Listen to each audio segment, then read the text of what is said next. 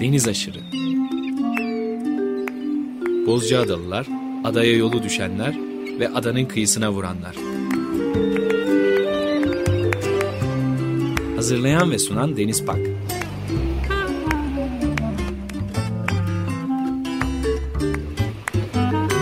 Türkiye için rüzgar enerjisi üreten Demirer Enerji'ye katkılarından dolayı teşekkür ederiz.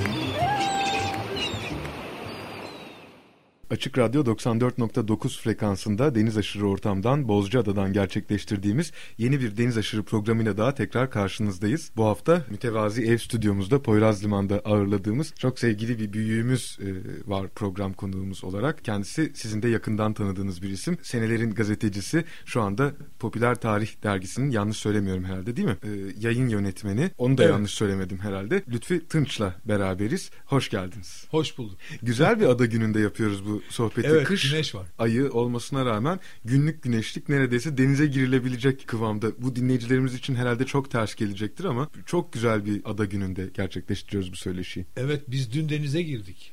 İnanılır gibi değil. evet.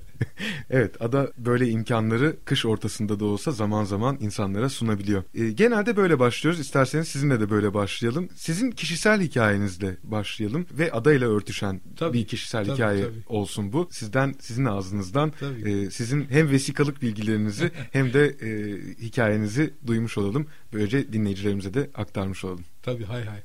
Ee, ben modalıyım.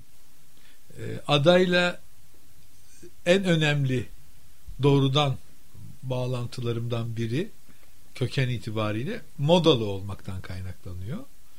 Ee, çünkü moda ben 50 doğumluyum. Dolayısıyla e, yani 68 kuşağı pek sevmiyorum bu lafı ama 68 kuşağındanım. Ee, dolayısıyla 1950'li yıllarda mesela 55'te 5 yaşındaydım. 60'ta 10 yaşındaydım. Eh 5 yaşımın 10 yaşımın modasını moda semtini Kadıköy'ün moda semtini Anadolu yakası derdik biz. Ee, Anadolu yakasının e, moda semtini hatırladığımda şu an e, adayla bağlantılı Rum arkadaşlarım dahil e, deniz ve denizle ilişkim dahil sandalım vardı.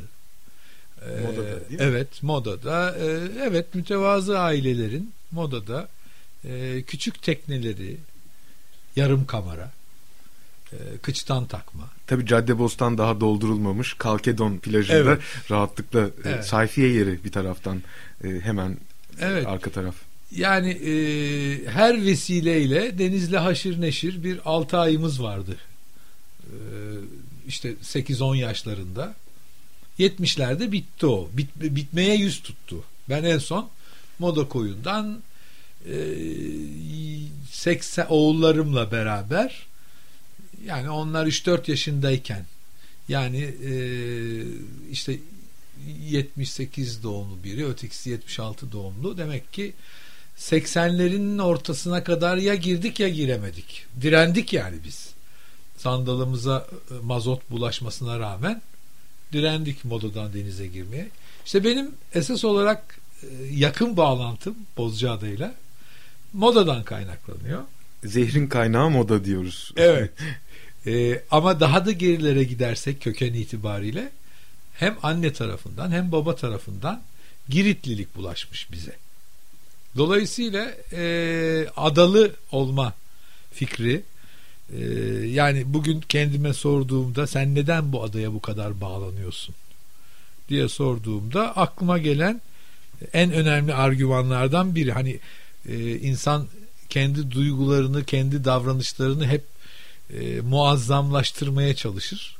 Ben de kendi duygularımı, davranışlarımı e, bir yerlere oturtmaya çalışırken bu kökene inmek işte Giritli hem anne tarafından hem baba tarafından bir miktar Giritli olmak e, bana ada sevgimin de köklerinde yatıyor gibi gözüküyor.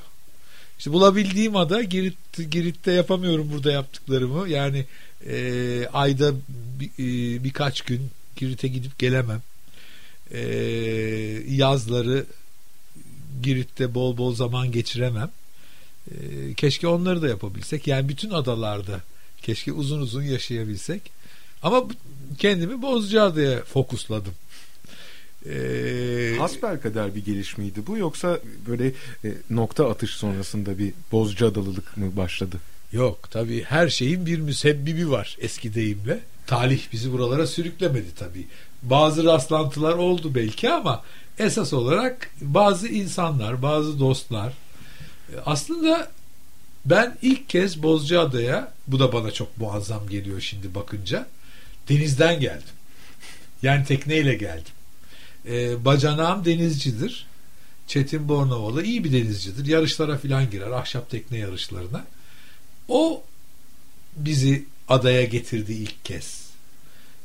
Ee, ve e, yanaştık. Bir akşam Koreli'de yemek yedik. Sonra işte e, şey şişme botla sahile çıkıp işte bir minibüse doluşup Ayazma'ya gittik. Tipik turistik e, bir havada. E, denize girdik. Hatta orada arkadaşlarıma rastladım filan ama hiç beni etkilemedi adı. Anlamadım bir şey. Ondan sonra e, Haluk Şahin bizi çok etkiledi. 90'lı yılların başlarında. E, ve biz de kendimize çocuklarımızla birlikte yaşayabileceğimiz daha farklı bir ortam. Yani mavi yolculukların yozlaşması, e, bir işe yaramaz, e, dergi kapaklarında kötü örnek e, birer turistik macera haline gelmesi bizi yerleşik bir maviliğe doğru sürükledi ve hocanın da e, dahliyle Haluk Hoca'nın, Haluk Şahin'in de dahliyle adayı keşfe geldik. Yani toprağını, suyunu, havasını keşfe geldik. Öyle denizden turistik bir geçiş değil de e, şuraya bir bakalım. E, bizim dünya mekanımız olabilir mi diye geldik ve çok tutulduk gerçekten. Evet. Hikaye e, bu. E, tutulduktan sonraki hikayeyi program ilerledikçe ve hatta haftalar ilerledikçe e, Deniz Aşırı programında bulabileceksiniz. İsterseniz bir 8 dakikadır e, konuştuğumuzu görüyorum. Evet. E, sizin arşivinizden bugün dinleyicilerimize sunacağımız müzikleri isterseniz dinleyelim. Tabii, e, ne hay dinleyeceğiz dinleyicilerimize tanıtalım.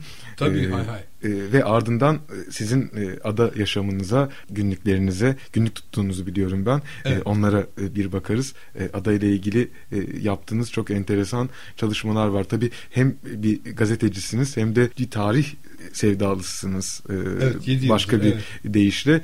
e, bunlar birleşince ilginç sonuçlar çıkıyor ortaya. Bunları da e, zaman ilerledikçe konuşacağız. Şimdi ne dinleyeceğiz? Ne getirdiniz dinleyicilerimize? Şimdi son zamanlarda bir keşifte bulundum. Christophe Mali diye bir Fransızı keşfettim. Şimdi Fransız kültürüyle yetiştim. İşte Kadıköy'de Joseph'te okudum filan. Klasik işte Yves Montanlar, Edith Piaf'lar filan ama belli bir dönem sonra insan bir yenilik istiyor. Fakat eski tarzda bir yeniliğe rastladığı zaman yani alışık olduğu tarzda bir yenilik çünkü insan eskiden kopamıyor bir türlü. Hoşuna gidiyor çok. Bu Christophe Mali de tam bana göreydi. Yani e, genç 30'lu yaşlarda 2005'teki e, birçok Avrupa Festivali'nde parçaları yer aldı. Başarılı bir performansı var şu sıralar.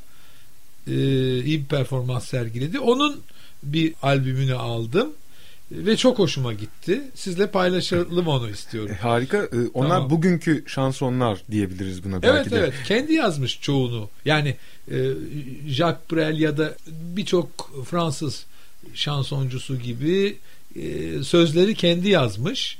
Mesela Carling Square diye bir e, parçası var ki onu ilk parça olarak dinleyebiliriz. Sözleri kendine ait ama bende e, Jacques Prévert'in şiirlerinin bir havasını uyandırdı. Müziği de güzel. Evet dinliyoruz bakalım nasıl olmuş. Ben de çok büyük bir merakla e, bekliyorum. 94.9 Açık Radyo'da Deniz Aşırı programında program konuğumuz Lütfü Tınç ile sohbetimize e, ve müzik dinlemeye kaldığımız yerden devam ediyoruz. Çok güzel bir parça dinledik. İsterseniz ilk bölümde sizin adaya gelişinizi, e, bir başka deyişle kıyıya vuruşunuzu dinledik sizden, sizin evet. ağzınızdan. Şimdi adadaki hikayelerinize evet. bakalım. Adadaki günlük yaşamınıza ve sizin tuttuğunuz günlüklere bir bakalım. Tabii. Bakalım nasıl oluyor. Tabii. Günlükler çok enteresan geldi bana. Günlük çok önemli bir bir şey. E, çoğumuz ihmal ediyoruz. Dün akşam sizle konuşmuştuk ki e, bir balıkçıdan bahsetmiştik. Evet. İleride e, bizim program konuğumuz da olacak kendisi.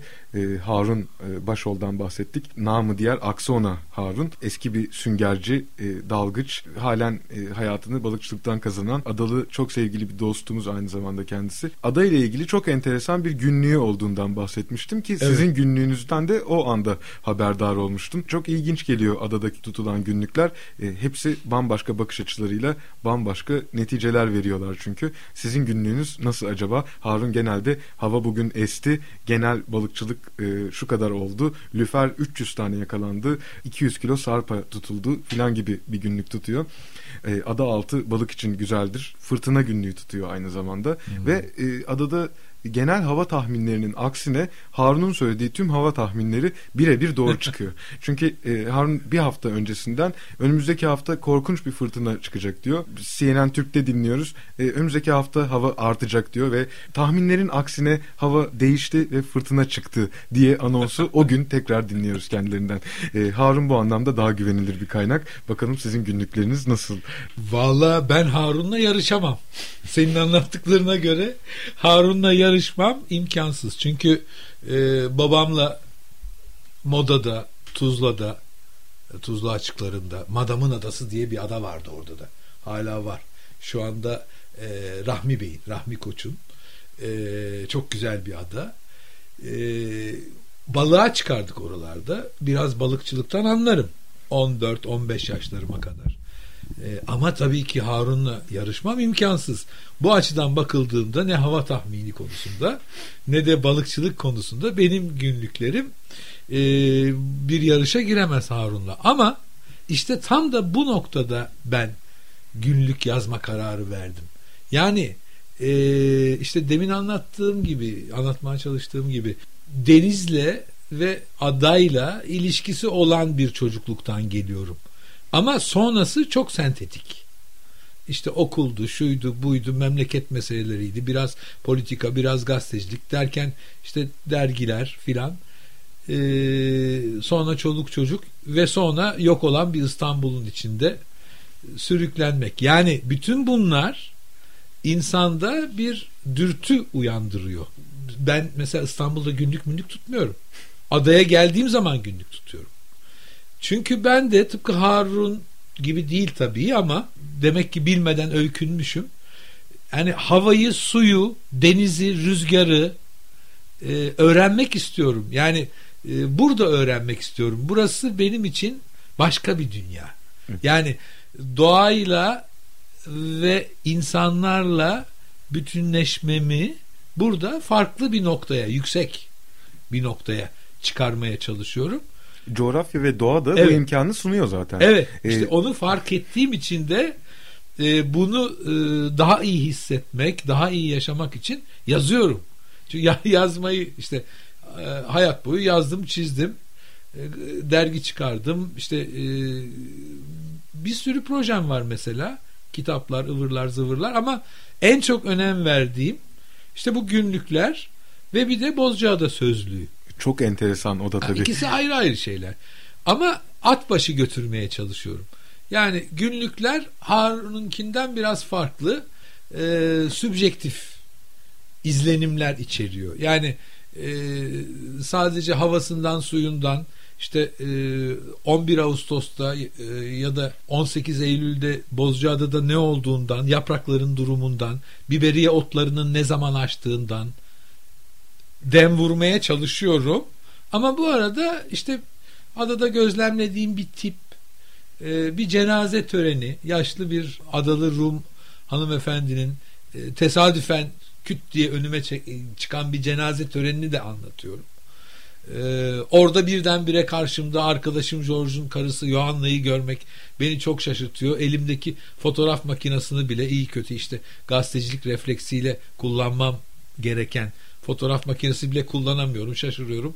Yani böyle e, kendi günlük yaşantımla e, adanın olaylarını sübjektif bir çerçevede birleştiriyorum. Tabii ayrıntılarda adanın somut işte balık durumu, üzüm durumu, biberiye otlarının durumu da var ama Harun'unki ile yarışamayacak bir Harun, çerçevede. Bir Kızılderili içgüdüsüyle evet, evet, yaptığı evet, bir iş zaten evet, bu. Evet. Sizin tabii bakış evet. açınız bambaşka. Ee, evet yani ama ben Harun'u da yakalamaya yani rakibim Harun'muş demek ki onu da şimdi öğrendim. Ee, ama sözlük daha farklı. Sözlük e, çok e, objektif bir çalışma. Öyle olması gerekir zaten. Adı üstünde sözlük. Yani benim günlüklerim değil. Bu bir, bir Bozcaada, Bozcaada sözlüğü. sözlüğü. Evet bir örnek evet. vereyim isterseniz. Çok sevinirim. Çok enteresan. Ee... Yani e, Bozcaada'ya göre bir sözlük sonsuza kadar uzatılabilecek. Yani Bozcaada Britannica. çok ilginç. e, evet. Bozcaada sözlüğü. Mesela açalım fuhuş maddesi. Rastgele açtım. Ee, şey yapmıyorum. Sansasyon yapmıyorum. Rastgele açtım. Önüme F harfinde fuhuş maddesi çıktı. Hemen bir not Ahmet Refik e, üstadımızın Eski İstanbul kitabından ki bu Eski İstanbul kitabı 1550'lerle 1839 yani Tanzimat dönemi öncesi İstanbul'unu anlatır. Kanaat Kütüphanesi 1931 baskısından almışım cümleyi. E, şöyle diyor Üstad Ahmet Refik İstanbul'da fuhuş ve ahlaksızlık cari idi. Bilhassa Viyana seferi esnasında fuhuş son derece artmış. Fuhuşu sabit olanlar da Bozcaada'ya sürülmeye başlanmış idi. Şimdi bu kötü oldu biraz belki Bozcaada için ama böyle bir geçmiş. Adaların ama kaderi bu. Yani, evet adaların kaderi bu doğru. Evet, e, hep deliler atılmış adaya, e, suçlular Sürgünler, atılmış. Sürgünler. Suçlu olmuş. suçsuz evet. yani siyaseten ortalıkta dolaşmaması gerekenler evet. adalara doğru yönlendirilmişler. Ama bu adalara bambaşka bir zenginlik de katmış. Evet. Herhalde son 100 yılda ulaşımın ve tüketimin kolaylaşmasıyla e, bu biraz değişmiş ve adalar aynı zamanda bir varlık sembolü de olmaya başlamışlar. Dünya sinemasında da bunu görüyoruz. Genelde karanlık e, ada fotoğrafları görüyoruz hep bu örneklerde ki eski örneklere de baktığımız zaman hep bir sürgün noktası, sürgün yeri e, evet. şeklinde evet. karşımıza çıkıyor. Evet bizim adadaki biliyorsun sen benden iyi bilirsin. Bizim adadaki camilerimizden birinin bahçesinde de e, sürgün sadrazamımız var. Yani sadrazam o kolay bir şey değil öyle her adada her yerde bir e, sürgün sadrazamı e, sadrazamın mezarıyla karşılaşmak. Şimdi fuhuş maddesinin üzerine öyle geçmeyelim hemen. Evet. Tek biraz... başına başka bir şeye daha ciddi bir konuya geçelim istersen sözlükten yine. Yohannes i e, i harfinde Yohannes İmparator 5. Yohannes 1341-1391 maliye bakımından Bizans bu sıralarda o hale gelmişti ki bu alıntı e, bir Bizans tarihinden Bizans'a yardım sağlamak üzere batıya giden İmparator 5. Yohannes e, kıymetli taşları ile yani kendi tacının taşları ile e, Bozcaada'yı rehin gösterebilme, gösterebilmişti batıya. Yani e, Bizans İmparatoru Yohannes tacını satıyor, satmak istiyor ya da rehin bırakmak istiyor. Bir de Bozcaada'sı var. Venedikliler ve Cenevizliler zaten çok seviyorlar bu adayı stratejik durumu yüzünden. Yani, işte adamız bir rehin maddesi de olmuş. Zaten o dönemden sonra da hep Ceneviz ve Venedikliler evet, arasında gidip evet, gelmiş. Osmanlı adam. gelene kadar. Evet, Osmanlı'nın gelişi de ilginç olmuş galiba değil mi? Ee, o evet. Yani ben de onu araştırmak istiyorum. Bir miktar malzeme edindim. Birkaç kere zorlanıyor Osmanlı. Ee, Fatih zamanında. Fatih zamanında evet. geliniyor fakat e, adayı muhafaza etmek zor. Zaten e, mesela bizim kalemiz Bozcaada Kalesi e, Bodrum Kalesi'nden daha büyüktür. 42 kilometre karelik bir adada bu e, Bodrum Kalesi'nden daha büyük bir kale Enteresan çünkü boğazı kontrol etmesi lazım adanın. Evet, ikinci Mahmut da inanılmaz onarmış orayı. Yani, Evet, e, evet. Son derece başarılı bugüne Evet. kalışı. Evet. Herkes şey diye bakıyor e, dışarıdan gelen tüm yabancılar bu kaleyi yeni belediye mi onardı diyor. Aslında ikinci Mahmut onarmış en Evet, son. evet. Üstelik çok bakımsız halde şu anda. Bildiğim kadarıyla da 2. Mahmut'tan sonra ciddi bir onarım geçirmemiş. Evet, evet. İşte Fatih döneminde e, köprülü ele alıyor. Yani düşünün sadrazam e, artık meseleyle Bozcaada meselesiyle ilgileniyor. Bu kadar e, önemseniyor durum E, ve e, köprülün yönettiği bir operasyonla e, Göztepe'nin e, sahillerinden yani Çayır tarafından. Çayır tarafından Çayır tarafından işte unuttum şimdi tam tarihini 1460'larda ciddi bir çıkarma yapılıyor ve ada e, nihai bir biçimde ele geçiriliyor. Onun çok ilginç yani işte e, popüler tarih açısından e, popüler tarih yazarlarının Feridun Fazıl Tülbentçi ya da Reşat Ekrem Koçu gibi popüler tarih yazarlarının ağzından ya da o zamanın e, daha e, şey e, saraya yakın e, bizatihi olayı yaşamamış olsa da daha saraya yakın o dönemin e, vakanüvisleri açısından yazılmış parçalar var.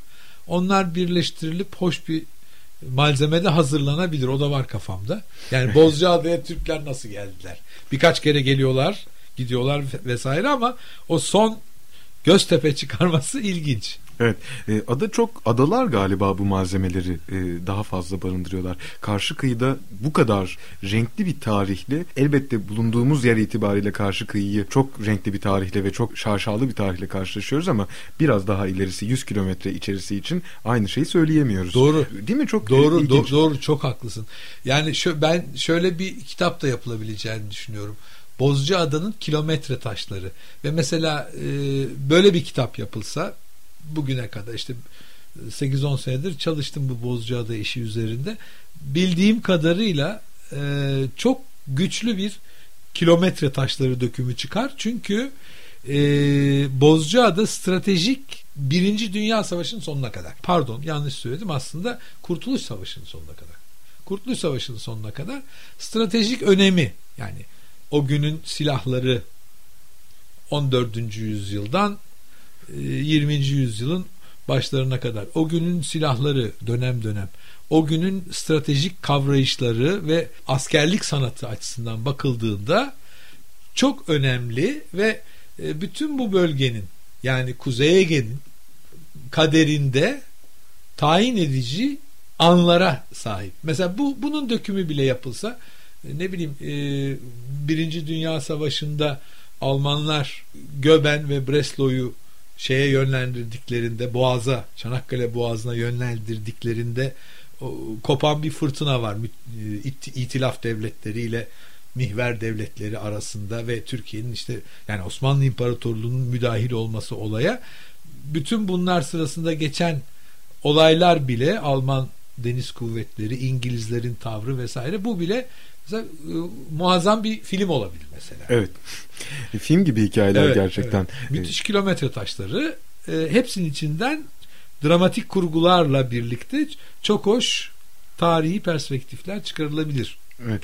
Genelde konuklarıma soruyorum. Ya, Ee, Karşınıza Gökçeada çıkıyor mu? Bizim O çok, benim zaafım. E, tabii Bozcaada ile ilgili bir program yapıyoruz ve aslında adalarla ilgili bir program yapıyoruz neticede. Dolayısıyla Gökçeadalı da dinleyicilerimiz var. Evet. Çok ilginç telefonlar ve mektuplar alıyorum. Evet. Bizim adamızla da ilgilenin biraz diyorlar. Ben sizin çapınızda bir popüler tarihçiyi de bulmuşken e, e, sormak isterdim. Hiç Gökçeada ile ilgili anekdotla karşılaşıyor musunuz veya aynı rolleri üstlenmiş mi Gökçeada'da?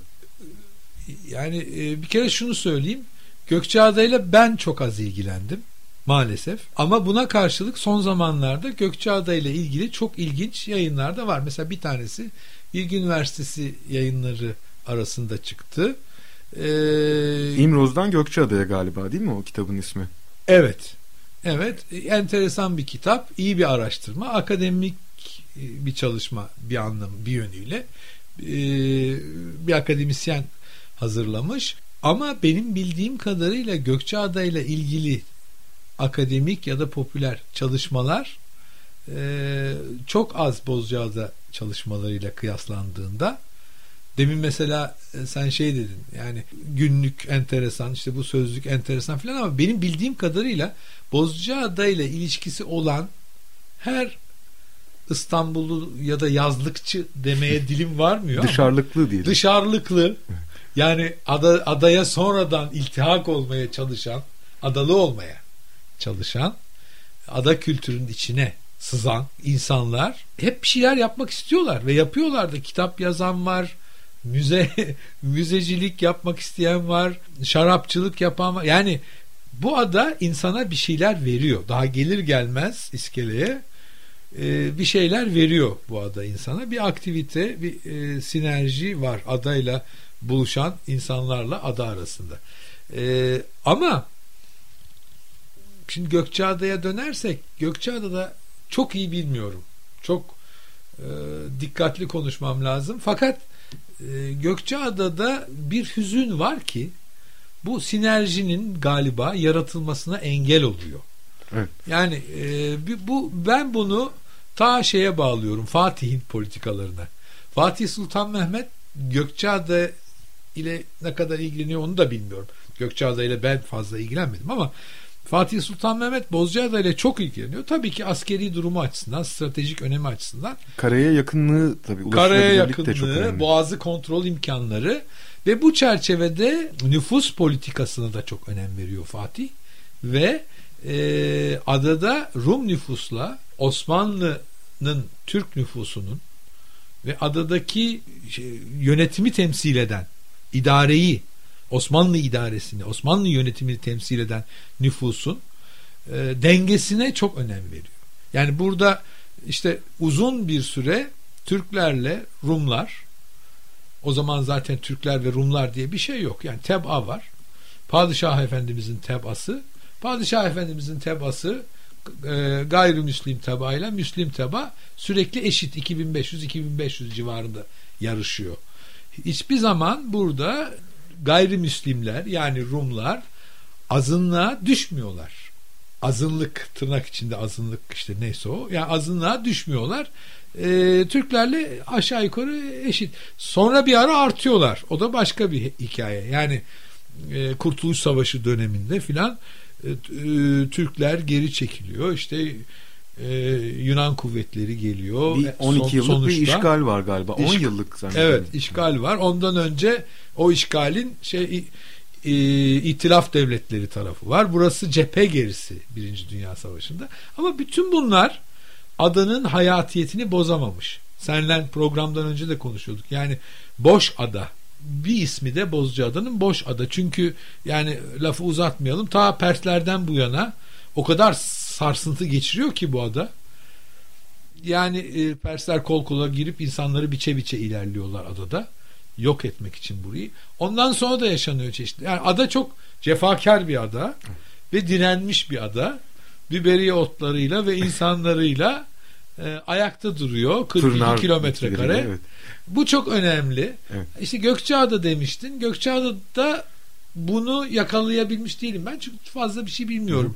E, diğer adalara baktığımız zaman ben bunu tüm konuklarıma aşağı yukarı soruyorum bu soruyu. Her adanın e, sosyolojik yapısı çok yakınındaki diğer adayla e, hiçbir benzerlik göstermiyor diyebiliriz. Bu adaların kapalılıkları ve adaların ayrı dünyaları oluşuyla da son derece ilgili olduğunu düşünüyorum ben de.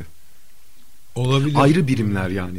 E, bu anlamda e, ada belki de yani. evet, evet ada. ada çünkü. evet. E, Sema Direk de çok farklı Gökçeada'dan. E, evet. Limni de çok farklı. Biraz aşağıdaki Midilli de çok evet. farklı. Aslında herhangi birisinden durduğunuzda bütün bunların hepsini görebiliyorsunuz. Tertemiz bir havada. Evet. Değil evet, mi? Doğru. Ee, onu görmek de çok ilginç. Troya Savaşı esnasında komutanların muhtelif adalarda savaşı izlemesi, tanrıların muhtelif adalarda savaşı izlemesi de savaşın çok güzel bir havada gerçekleştiğini tabii, gösteriyor bize. Tabii, tabii bir Ermeni arkadaşım şey demişti bana korkma korkma Bozca adanın altında Poseidon var. O sizi korur. Git git adaya demişti. Yani Türk'ü, Ermenisi, Rum'u geniş bir coğrafyada Osmanlı coğrafyasında özellikleri olan yerler adalar. İşte birinin altında Poseidon'un mağarası var. Öbürünün altında bilmem e, başka bir mağara var. e, e, Aburga dedemiz var biliyorsun. Aburga dede. Bilmiyorum onu. Kimdir? Vallahi bunu bana Ahmet Güneş anlatmıştı. Şeyde şimdiki Balık Hali'nin üstünde bir mezarlık var. Aa, evet. Orada e, yatan insanlar var. Erkekler var, kadınlar var. Mesela Dizdar tahmin ediyorum ki yani notları almıştım ama şu an çok net aklımda değil. Kalenin dizdarı yani kalebent e, kalenin komutanı olan bir askerin eşi oraya gömülmüş. Onun yanı sıra bir de Aburga Dede ki onun e, şeyini okuyamadık bilmiyorum yani Aburga Dede bu halk arasında Ahmet Güneş anlatmıştı bana. Aburga Dede diye bir zat e, yatıyor orada ve o e, Birinci Dünya Savaşı civarında anlatıldığına göre e, bir geminin e, batmasına engel oluyor. Yani bir evliya. Hmm. Böyle yani aburga dedeler var. E, Poseidonlar kalenin altındaki mağarada. Yani ada kendi korunma güdülerine de sahip olmak istiyor. Ve bunların her biri birike birike zenginlikler getiriyor. Evet uzun bir süredir sohbet ettiğimizi e, fark ediyorum buradaki zaman göstergecinden. Evet. İsterseniz Mali'den galiba gene Evet evet devam bence edeceğiz. devam edelim. E, şimdi ne Christophe Mali'den şimdi e, Le Premier Amour ilk aşk E, bu da romantik ama yani gençlerin bugünkü bir gencin 30-35 yaşlarında Mali e, Christophe Mali bugünkü bir gencin romantik bir aşk parçası. Evet yeni şanson versiyonuyla Evet, evet, dinliyoruz. 94.9 Açık Radyo'da Deniz Aşırı programında program konuğumuz Lütfü Tınç ile sohbetimize ve müzik dinlemeye kaldığımız yerden devam ediyoruz. Programa başlarken e, günlüklerden bahsedeceğiz demiştik. Günlüklerden bahsetmeye başladığımız anda sözlükten bahsetmeye başladık. Günlükleri Evet. biraz es geçtik sanki. Evet, benim hatam galiba. Ha, estağfurullah. Sohbet oraya doğru aktı gitti. Evet, evet. İsterseniz e, demin Günlükleri, bahsedemediğimiz evet. günlüklerden biraz daha ayrıntılı Tabii, tabii. olarak bahsedelim. Tabii. Programımızın da son bölümüne girdik. Son Tabii. 10 dakika içinde sığdırabildiğimiz kadarıyla Tabii. günlükleri sığdıralım. Tabii. Ben önce şunun altını bir kez daha çizmek istiyorum yalnız. Yani ben günlük tutmuyorum İstanbul'da ya da Türkiye'nin ya da dünyanın başka bir yerinde. Sadece Bozcaada'ya geldiğim zaman defteri açıyorum. Ee, dolayısıyla bunun bir anlamı var benim hayatımda. Yani Bozcaada günlükleri olarak bir şeyler yazmamın ve burada iki insanı anmak istiyorum. Bunlardan bir tanesi Doktor Mehmet Saadettin Aygen. Sen, senin de çok iyi bildiğin e, bütün yönleriyle Bozcaada diye bir kitabı var ki bence son derece naif ama son derece samimi bir çocukluk anıları kitabı. E, beni o çok etkiledi. E, bir de e, Bu kadar samimi bir kitap olabilir gerçekten. evet, yani evet, çok güzel anlatıyor. Evet her şeyiyle e, çok hoş. E, baskı çok kötü, düzen çok kötü ha- ama içerik muhteşem. amatör Evet. ve naif bir Evet. kitap. Evet. Yani bir tarih bölümü var, bir ayrı işte benim yaşantım bölümü var filan ama yani bütünüyle bakıldığında e, maddesi dışında ilginç Evet. şeyler var. içinde. Şanslı dinleyicilerimiz e, Evet. sahaflardan bu kitabı bütün Evet, yönleriyle Bozcaada kitabını e, bulabilirler. var. Hala var Evet. sahaflarda. Görüyorum ben de. Doğrudur E, iki Evet. tane de bende var. E, Evet. e, sahaflardan alınmış ikincisi yedekli olsun Evet. diye. Yağmur yağar, sel basar bir şey olur. Bulunca almak lazım. Evet. Bence gayet iyi bir sahafiye kalemi. Evet. Yani çok iyi bir kalem. Bir de e, Dost Kitabevi'nin Ankara kaynaklı Dost Kitabevi'nin e, muhtemelen çok iyi hatırlamıyorum ama 90'lı yıllarda evet 90'lı yıllarda yayımlamış olduğu Zeytin, Üzüm ve İncir adlı kitap var. Bu e, bence işte 19. yüzyılın yetiştirdiği en önemli kültür tarihi uzmanlarından ya da kültür tarihini akademik seviyeye çıkarmaya çalışan insanlardan Viktor Hecht diye e, Ru- Rusya ile de bağlantısı olan ama esas olarak Berlin'de yaşamış bir Almanın kitabı. Ondan da çok etkilendim. Zeytin, üzüm ve incir. Evet Mustafa ile oğlunuzla program yapmadan önce konuşmuştuk ki benim çok yakın bir arkadaşımdır Mustafa. Evet. Mehmet de öyle gerçi ama Mustafa ile e, konuştuk. Mehmet biraz uzaklarda şimdi. Programdan önce acaba ne sormalıyım e, sen e, ne önerirsin bana demiştim. Bana şey demişti babam çok çılgın bir incir tüketicisidir. Bunu bil dedi. ben dedim hani inanılmaz bir incir tüketicisidir. Adanın incirlerini tek başına bitirebilir isterse. E, İftira ediyor. İftira mı ediyor? İftira. İftira ama e, adada bol bol incir ağacından bol bol incir yediğim doğrudur. Evet. Biz de çok tüketiyoruz ve adanın en güzel incir ağaçlarından biri bizim bahçemizde bulunuyor. Ee, şurada aşağıda. Bunu bilmiyordum. Bütün adalılar burayı bilirler ve e, izinsiz bir şekilde gelir yerler. E, hepsi de e, bunu hak ederler. E, biz de genelde izinsiz yiyoruz ama yani göz hakkı, yol hakkı filan diye ada usulü evet. bir yorum yaparak. İncirin bir başka e, ismi de burada yemiştir. Yemiş. İzmir'de de öyle Yemiş derler. öyle mi? Evet. E, Ege o zaman. Ege evet Ege evet. ve özellikle İzmir'de yemiş denir evet. Çekirdeğe çiğdem demezler ama Bozcaadalılar. Bu da enteresan. Onu bilmiyordum. İzmirliler çiğdem diyorlar çekirdeğe. Öyle mi? Evet. Kabak çekirdeği. Yok ay çekirdeği. Ay çekirdeği. Çiğdem diyorlar. Adada bunu söylemiyorlar. Evet. Yemişi almışlar, çiğdemi almamışlar. İşte ben e, günlüklerimde hep bunlarla ilgilenmeye çalışıyorum. İstersen sana e, günlüklerimden iki parça okuyayım. Değişik harika, harika olur. Çok parça. merak ediyorum evet. E, 19 Ocak 1999 Büyük oğlum Mustafa ile birlikte bak gene karşımıza çıktı. Büyük oğlum Mustafa ile birlikte Papaz Efendi'nin evine gittik. Öylesine çat kapı. Ama bir sebebi ziyaretimiz vardı. Şarap. Evet. Papaz Efendi'nin ev şarabı yaptığını duymuştuk etraftan. Sohbet sırasında anlaşıldı ki Papaz Efendi ve eşi bu yıl şarap yapmamışlar. Ama ne beis? Biz Madame Stella'nın yap, kendi elleriyle yaptığı e, ev likörünü kahvelerimizin eşliğinde yudumladık. Laf lafı açtı. Chrysostomos yani merhum biliyorsun işte. Evet, geçtiğimiz yıl kaybettik geçti- kendisini. evet. Toprağı Geç- bol olsun. Evet. Toprağı bol olsun. Geçtiğimiz yıl kaybettiğimiz e, papaz efendi Hristos Tomos e, bize Pauna nineyi anlattı. Şu bizim evin yani burada adada oturduğumuz evin ilk sahibi bahtsız bir kadın.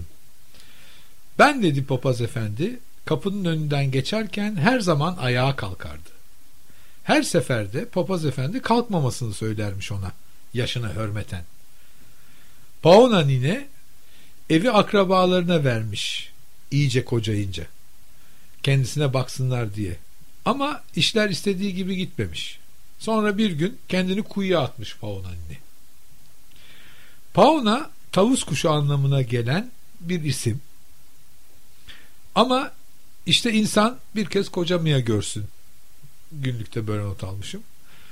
Pauna nine sonunda İstanbul'a Balıklı Rum Hastanesi'ne huzur evine gönderilmiş. Çok e, hoşmuş. Küçük Biraz bir anekdot. e, e, merhum papazla ilgili de isterseniz konuşalım. Çok ilginç Tabii. bir karakterdi. Eve gitmeden önce tanıyor muydunuz kendisini? tanıyordum. Ee, ama e, yani bir geniş hukukumuz yoktu. Sokak selamı. Evet. Soka yani aynı e, caddede Evet. 20 Eylül caddesinde ya da o civarlarda. Evet. İşte unuttum şimdi. Onun sokağı biraz farklı galiba. Her gün bağına bahçesine yürüyerek gidip gelen bir adamdı. Evet, evet. E, süt keçileri sağar, e, süt kovasını da e, elinde taşıyarak gelirdi. Bu vefat etmeden bir hafta öncesine kadar böyle devam etti. Son Evet. haftası biraz hasta geçti maalesef. Çok ilginç bir sokak adabını da bütün adalılara öğretti e, aynı zamanda rahmetli papaz efendi. Kapısı açık olduğunu gördüğü her evin önünden geçerken merhaba diye geçerdi. Ha, Ee, evet. Bu çok ilginç bir adap mesela. İçeride kimin olup olmadığını girip bakmaz veya e, kafasını bile çevirmez. Açık kapıyı görüyor ise merhaba diye geçerdi. Çok enteresan bir adamdı. Böyle nevi şahsına münhasır, e, ilginç bir kişilikti. Tabi papazlık dışında ilginç ve çok önemli bir insandı. İşte şarabını yapar, likörünü yapar. Ada Ee, insanı. evet, ada insanıydı. Son dönemde de biraz mahsundu. Ee, hem e, cemaati çok azalmıştı hem etrafında e, arkadaşları oldukça azalmıştı yaş grubu itibariyle Doğru. Ee, ve daha çökük bir papaz efendiyle karşılaştık ki e, vefatı da çok hüzünlü oldu gerçekten. Evet. İyi ki gitmişiz biz de o gün Mustafa'yla. Evet, Evet. evet. Ee, bir e, belgeye tanıklık etmişsiniz siz Evet, de. evet, evet. Ee, isterseniz günlüğe bir başka devam evet, edelim. Bir, bir başka güne geçelim. 26 Mayıs 2000 Cuma. İğde ağaçları çiçek açmış. çan şeklindeki bu dört yapraklı küçük çiçeklerin tam da patlak verme zamanı. Çiçekleri pıtır pıtır açan iğde ağaçlarının dalları çevreye son derece özel bir koku yayıyorlar. Yeşil, ince uzun yapraklı dalların yanına yaklaşıp ellerinizle onları okşadığınızda burnunuza çok taze bir koku geliyor. İçinize çekiyorsunuz, beyninizde bir hareketlenme başlıyor. Tipik bir afrodizyak. Hacı Osman Efendi'nin kitabına başvurduğunuzda durumda bir anormallik olmadığını anlıyorsunuz. Hoş bizim adanın birçok şeyi afrodizyak etkiler yaratır insanda. Ama Hacı Osman Efendi'nin şu satırları da olayı netleştiriyor. İğdenin çiçeği alınarak ikişer gram şehavi arzular olmayan kadına içirilirse şehvetini tahrik eder. Çok hoş formülmüş. Hacı Osman Efendi böyle söylüyor. Biz onun yalancısıyız. Devam ediyorum. Biz üstad aynı şeyi söylemişim yazarken de. Biz üstadın yalancısıyız demek mümkün değil. Yok, farklı söylemişim. Ancak kendi gücünün kendi gününün pardon ancak kendi gününün şartlarına göre olsa gerek o eksik bırakmış. Tamamlamak el verir. Bozcaada'daki iğde çiçeğinin kokusu bile yetiyor. Hem de iki cins için. Ben de burada bir ukalalığımı yapmışım. Ha, günlükler böyle işte yani e, somut, objektif şeyler ama o objektif somutlukları gözlemlerken benim kendi ukalalıklarım, kendi duygularım, kendi izlenimim yani evet. kendimden bir şeyler var. Tabii önemini aynı zamanda o günün e, tarihiyle evet, ilgili evet. de ilginç tespitlerle bir arada e, düşündüğümüz evet. zaman evet. günlüklerin önemi ortaya çıkıyor. Evet, belki ee, kitaplaştırırken bir elden geçirir, bazı yerlerini törpüler, bazı yerlerini e, güdükleştiririm. Hani evet. bir edebi kaygıyla ama benim derdim yani adada yaşadıklarımı adada yaşananlarla birlikte aktarmak günü gününe evet. doğa ve insan. Evet. E, ve bütün bunlar e, son derece uyumlu bir yaşam e, olarak bir bütün olarak karşımıza çıkıyor e, ada yaşamında veya başka bir deyişle şöyle söyleyebiliriz ki bir Ege yaşamında bunu Doğru. diyebiliriz. Kuzey Ege. Kuzey özellikle. Ege evet, evet. Özellikle. Evet. Kuzey Ege. Evet önemli bir vurgudur ayrıca. Evet. Bu haftada programın sonuna geldik. Mütevazi ev stüdyomuzda ağırladığımız, Poyraz Liman'da ağırladığımız e, program konuğumuz bu hafta Lütfü Tınç idi. E, çok teşekkür ederim programa eşsiz katılımınız, katkınız için. Sağ ol, sağ ol. Ben teşekkür ederim her şey için. Önümüzdeki dönemlerde sizinle ilginç programlar gerçekleştireceğe benziyoruz. Ayrıca tarih içinde Bozcaada'yı konuşacağız. Sizin günlüklerinizin devamı ile ilgili konuşacağız. Belki sözlük projesini biraz daha açarız. İnşallah. Konuşulacak e, çok konu var. Sizin Doğru. de biriktirdiğiniz çok konu var. Dinletecek çok müzik var ayrıca dinleyicilerimize. E, her e, yeni yaptığımız programda dinleyicilerimiz e, bunları dinleyebilme fırsatı bulacaklar. Tekrar çok teşekkürler. Sağ ol ben teşekkür ederim. Ee, bize ulaşmak isteyen dinleyicilerimiz denizpak.akvaryumbozcaada.com adresinden bizimle irtibat kurabilirler. Önümüzdeki hafta salı günü saat 11'de Açık Radyo 94.9 frekansında Deniz Aşırı Ortam'dan Bozcaada'dan gerçekleştirdiğimiz yeni bir Deniz Aşırı programında buluşuncaya dek hoşçakalın.